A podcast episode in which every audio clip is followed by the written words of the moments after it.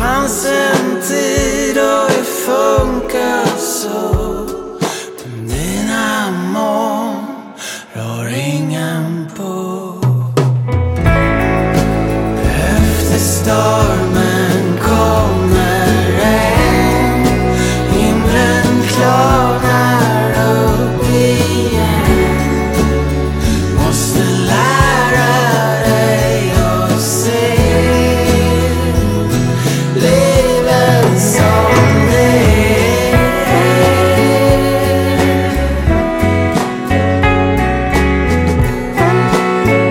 still alive.